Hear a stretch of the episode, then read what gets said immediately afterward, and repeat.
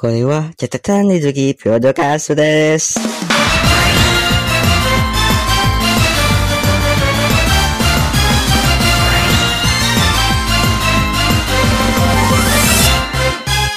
Assalamualaikum warahmatullahi wabarakatuh Halo semua, kembali lagi bersama aku di Catatan Rezeki Podcast Di episode kali ini aku bakal ditemani oleh dua orang yang berpengalaman di dunia peranimean Ya, yang pertama adalah Bang Rehan Halo Bang Halo Dan yang kedua ada seorang kohai yang baru masuk GS Siapa namanya nih? Abiyu Fathillah Abiyu.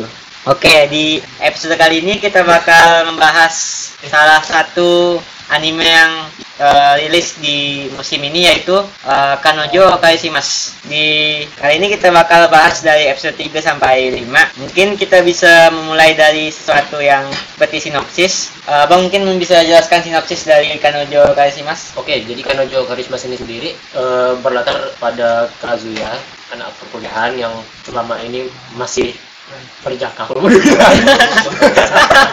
masih perjaka masih jomblo gitu Eh, di mana dia baru diputuskan sama pacar sebelumnya dan dikarenakan stres dia merental seorang pacar yang di mana itu mungkin cukup common lah istilahnya di Jepang ya rental girlfriend kayak gitu Cukup umum. Eh, belum pernah nengok sih. Emang ada di Jepang gitu, Bang?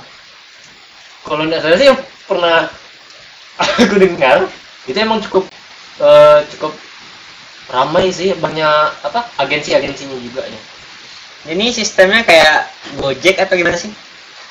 eh kayak kalau tahu aplikasi Tinder mungkin mirip kayak gitu tapi lebih ke eh, Sewaan gitu ya? ah penyewaan dengan eh, ada peraturan tersendiri juga jadi nggak bisa lepas semuanya gitu Kalau Abiyo, di pikiran kau apa sih yang pertama dipikirkan tentang Kanojo Karishimas? Kanojo anime yang sangat remaja Kenapa remaja? Padahal dia udah kuliah. Seorang remaja yang masih kuliah tapi udah pacaran Eh, ya orang remaja udah pacaran Ah gitu ya. Kan ada tiga tokoh nih, Eh, Kazuya, Mizuhara ya, sama Mami. Eh, Mami. Itu Nah. untuk sementara itu cast utamanya. Cast utama sementara. Kalau kita lihat nih di openingnya kan ada ada dua wanita lain tuh. Iya. Itu siapa sih kalau dari abang yang baca manga gitu mungkin udah tahu duluan? Eh, untuk yang di opening sendiri yang berambut biru di sini itu namanya Ruka. Aku lupa nama filmnya. Yang satu lagi yang rambut merah itu juga aku sebenarnya lupa. Karena apa? Screen time jadi manganya itu sedikit. Aku aku jadi lupa nama dia siapa. Oke, em, kan di episode 3 nih, ah ya, Ya, apa- walaupun udah putus berapa bulan? Pokoknya dia udah pacaran satu bulan ya. Cuman karena eh apa sih?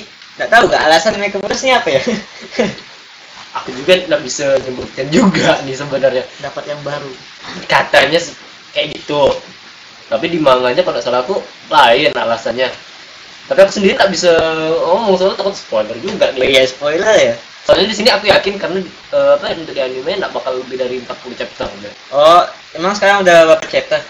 Sehingga sih mungkin ini udah eh, di episode 5 itu udah eh 12 mungkin udah nyentuh kali 12 chapter 12 chapter.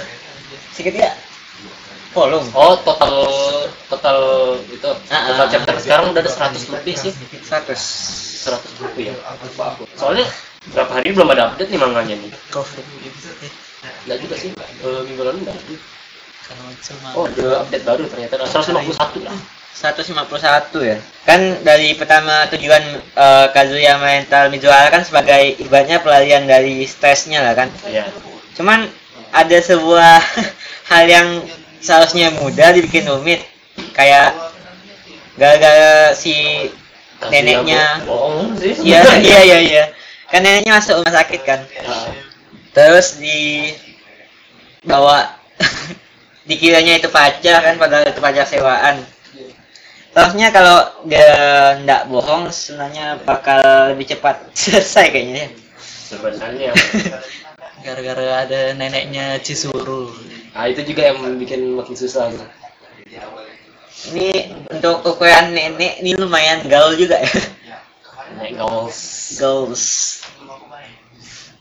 kalau dari menurut kalian lah ya yang yang bikin panjang cerita ini siapa sih yang kira-kira yang kuat sekali naifnya gitu? Apakah Kazuya atau Mizuhara gitu? Sebenarnya kalau mau dibilang naif eh gimana bilangnya? Masing-masing emang ada alasan sendiri tapi mungkin karena alasan utama ini karena dimulai dari Kazuya berbohong itu yang bikin kasus ini. Soalnya di beberapa chapter terakhir manga mu- mungkin kalau salah udah mulai dari chapter 100-an itu di ada backstory tentang Chizuru juga. Aku nggak spoiler. Tapi itu juga mendukung dengan eh, inti dari story ini. Berarti emang banyak sekali bagian yang belum terjelaskan di sini ya? Ya karena ini masih baru, baru awal lah ya. Ah. sebagai pembaca manga nih bang. Apakah bakal ada sebuah konflik besar-besaran gitu? Ada sih. Gimana? Eh, ada mau dibilang chapter juga bukan karena, karena dia udah ngeliput beberapa chapter gitu. Tapi kalau mau dibilang art art eh, event atau segala macam itu mungkin bisa. Ada dua event yang aku suka. Eh dua atau tiga event yang aku suka. Eh, satunya gimana ya aku mau bilangnya? Soalnya masih masih sama-sama spoiler takutnya nggak keliput sama animenya nih. Oh berarti mungkin bahasan tentang manganya kita skip dulu ya. Aduh. Nah kita bakal agak serempet ke opening ya. Openingnya kita tahu yang diisi sama The Piggies oh. Suka nggak sih lagunya? Suka suka. Kalau aku sih jujur aja Pegis emang sebenarnya awalnya aku nggak suka Pegis. Eh, mulai dari apa uh, Bunny Girl Senpai. Itu aku awalnya nggak suka tuh. Tapi makin lama makin lama mungkin karena terbawa dengan storynya jadi aku cukup suka. Dan pas eh, mereka nyanyikan lagu untuk yang Kanojo Christmas sebenarnya bikin hook ngehook aku pertama kali itu mungkin karena visualnya juga kali ya. Apa karena aku udah pernah baca manganya dan penasaran dengan visualnya dengan dianimasikannya jadi pas Dani opening langsung hype aja gitu. Oke, hmm, eh, kalian ngerasa nggak sih kalau si ke Mizuhara nih mirip game-game visual novel gitu karakternya? Kayak tipe-tipe apa ya? Yang mengkawaikan diri gitu pak? Gimana ya bilangnya. Kawaikan diri sendiri bukan. Itu aja sih aku bilang. Gimana yang bilangnya. Ya karakteristik dia.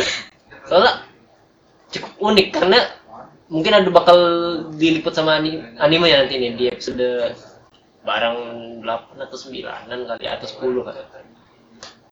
Eh di mana itu bakal jadi huge titik poin di storynya juga. Mana ya aku bilangnya karakternya karakternya emang susah ditebak sih sebenarnya Kok bisa sih? karena ada sebab sendiri ya. Kalau memang memang boleh aku eh, omongkan, Asik ya.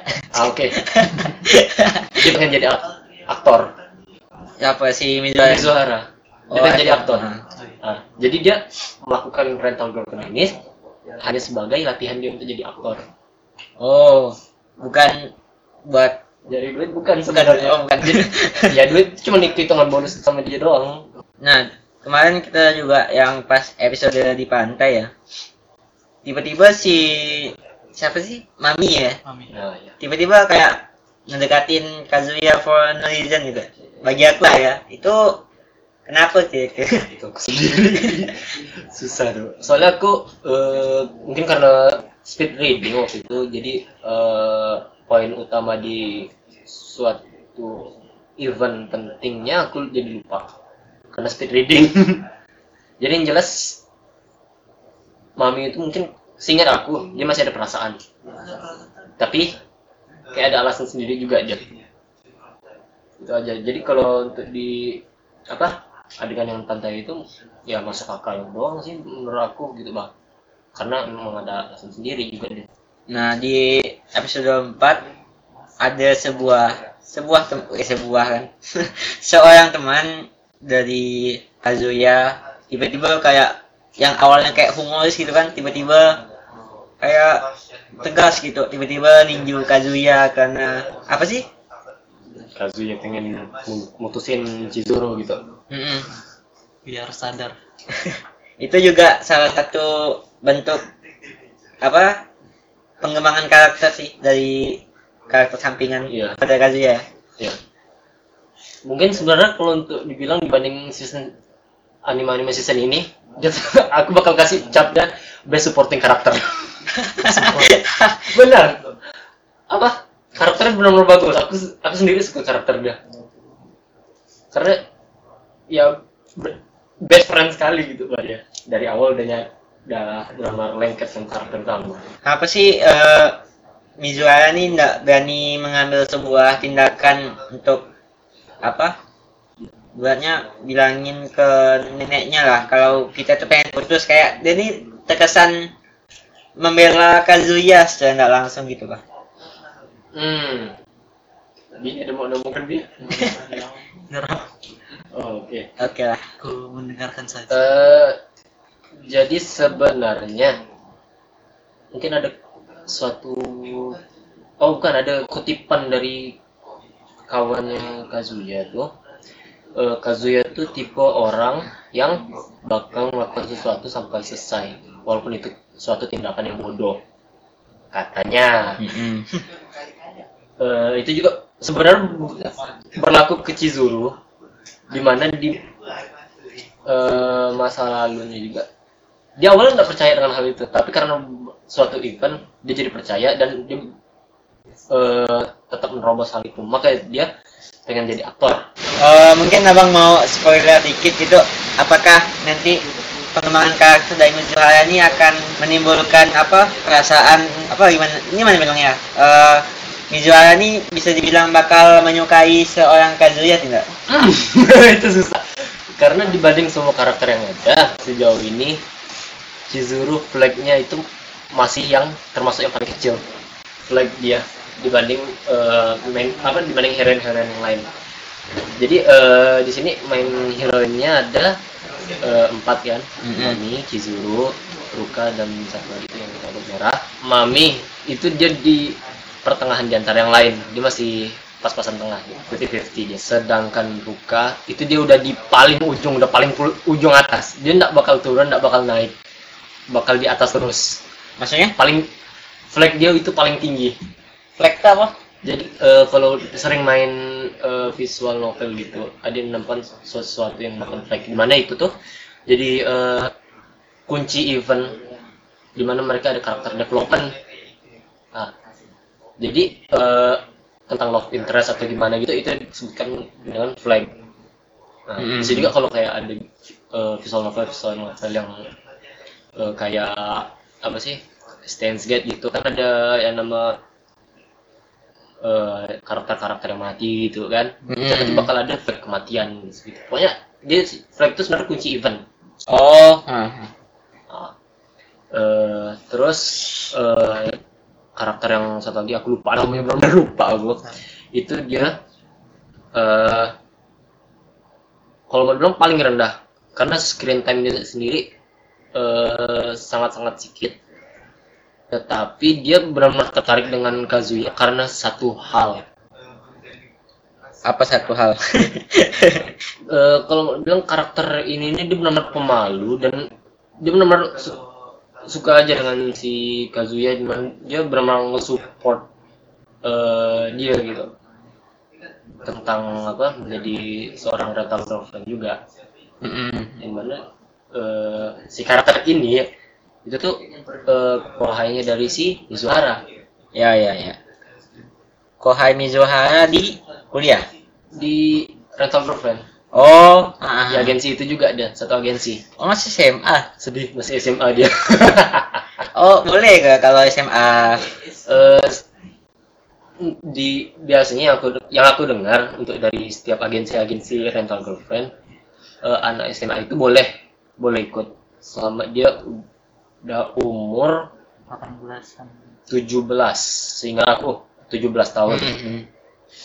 Eh, dan di mana sini Ruka sama yang satu karakter itu dia SMA Eh, oh Sumi oke Ruka dan Sumi itu eh, udah SMA aku lupa pokoknya di- mereka udah nyampe 17 tahun dan eh, otomatis agensi juga memperbolehkan mereka untuk join gitu kan Mm.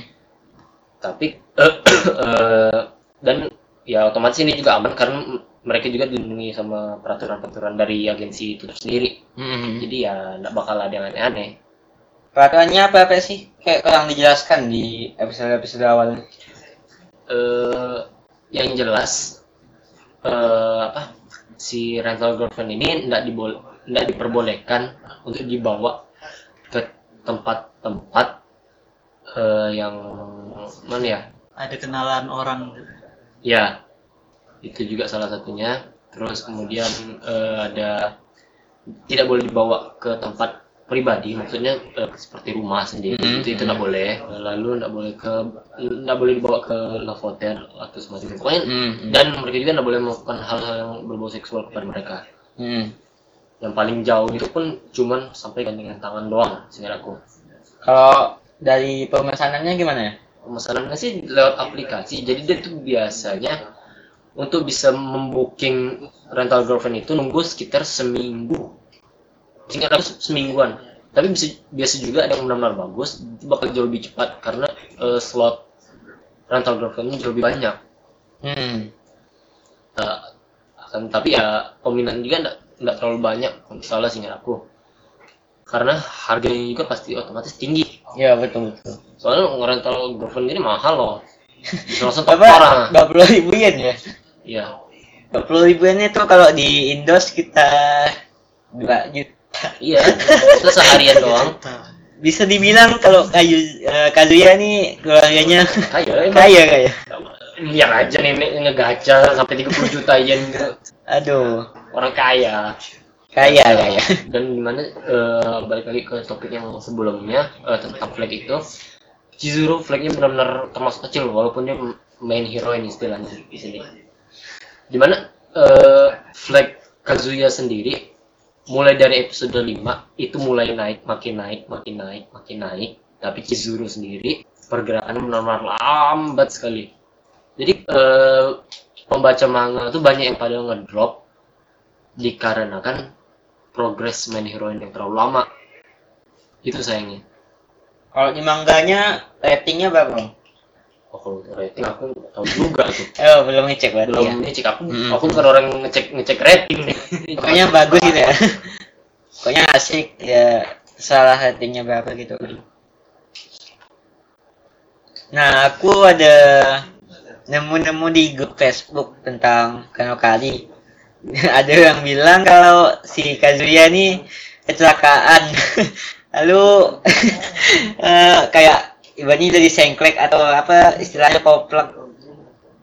Betul nggak sih, Bang? untuk kecelakaan sampai kayak saraf-sarafnya ndak apa lah gitu ya. Berarti orang habis kecelakaan kan kayak kurang waras gitu kan. enggak sih sehingga aku Berarti bisa bilang itu ya asal-asal nulis mungkin. Iya sehingga aku sehingga aku enggak ada. Soalnya eh, separah parahnya Kazuya dia cuman pas yang paling aneh aku lihat dia tuh eh, nuruni jembatan langsung terjun bebas. Ke sungai.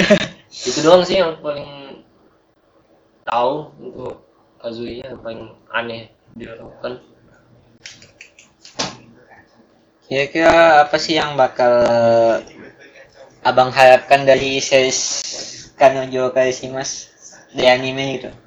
Hmm, kalau apa yang diharapkan dari animenya sih, eh, ya aku sih berharap aja semoga penjualan manganya sendiri eh, jadi makin populer kan. Mm-mm. Ya emang dari awal pun populer mungkin bakal jadi lebih populer dan mungkin bakal dapat translasi ke Indonesia dan mungkin bakal digarap oleh apa Rex Media Koptindo atau, atau semacamnya. Mm-mm. Eh, tapi mungkin yang jadi main ini aku mungkin di manganya kali ya untuk plot story-nya ya. Di mana aku sendiri bukan karena mendukung Ruka juga, tapi mungkin di- dilihat dari progres ceritanya Chizuru sendiri sebenarnya udah nggak terlalu cocok untuk jadi main hero menurut aku. Oh bakal tersingkir. ya. Tapi who knows lah, mangaka yang bikin keputu- keputusan gitu Untuk dari abang sendiri untuk Kanojo Karishimas, eh rating pribadi berapa? Untuk sejauh ini. Kalau untuk animenya eh, grafiknya eh oke maksud aku dari Oculus ini harapan aku awalnya cukup tinggi tapi Hmm. pas sudah lihat animasinya setidaknya enggak benar-benar jelek jadi eh, untuk di animasi aku ngasih 8 Hmm. Hmm. terus untuk lagu opening dan ending itu aku kasih 8 juga bagus Hmm. aku masih nggak habis pikiran dengan opening sama ending itu benar animasi endingnya terutama itu aku nggak habis pikir Eh, Sangat-sangat sama tersirat. background musiknya cukup menarik sih menurut aku kalau ini jadi kalau mau disemarikan totalnya eh 8,3 oke Nomor tiga. Kalau Abiu. Rating dari grafis grafisnya tadi ada yang sang bagian Cicuru turun tangga apa balik dari rumah sakit itu Hmm. grafisnya ngeganggu Apa yang bikin ganggu? saat apa kakinya langsung Pokoknya agak ada sesuatu yang aneh ada gitu. ya. yang salah lah Heeh. dari grafis sih tujuh tujuh per sepuluh lah. 7 per 10. lagu minimalis lumayan seperti lagu-lagu ya anime sekolah remaja Sekolah 8 per 10 8 per 10. Berarti kalau di rata-ratakan tuh sekitar tujuh setengah. Kalau dari aku sendiri eh, untuk grafis karena ini mengingatkan aku tentang Takagi gitu ya. Kakai Jozuno Takagi-san. Secara grafisnya dia lumayan. Aku agak lebih sedikit dari eh apa?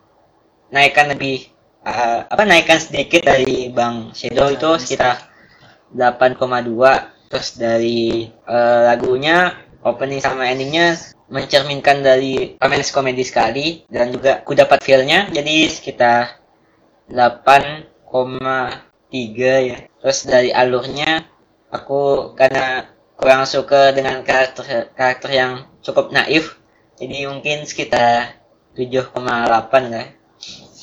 Masih masuk akal sih sebenarnya wajar apa?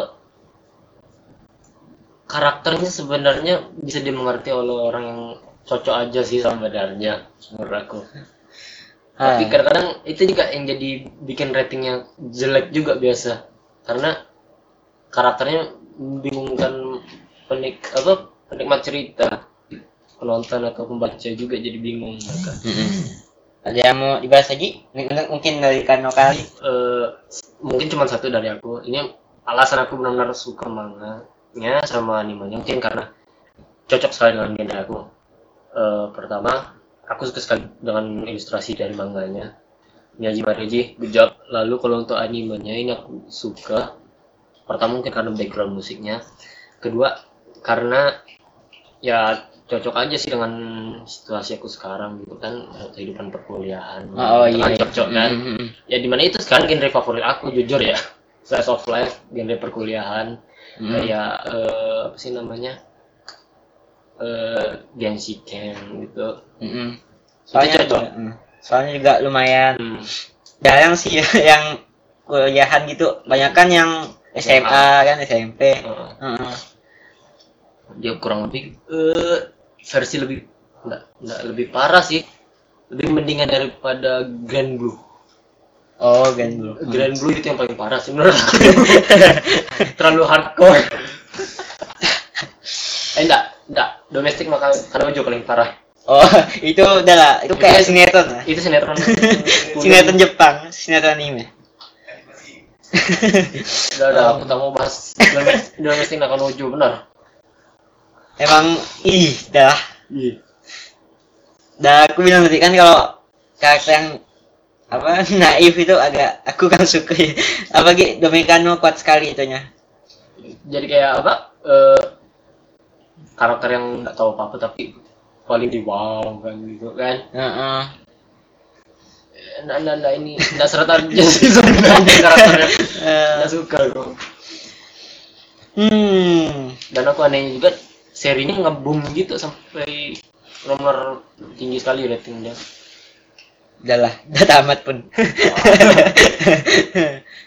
Oke. Kayaknya cukup untuk pembahasan kano kali episode kali ini. Terima kasih buat Bang Rehan dan Abiu udah ngisi episode kali ini ya. Oke. Sip. Sip. mungkin ada bakal kita lanjut di episode episode berikutnya dan terima kasih juga yang udah mendengarkan episode kali ini. Sampai jumpa di episode berikutnya. ya mata nih.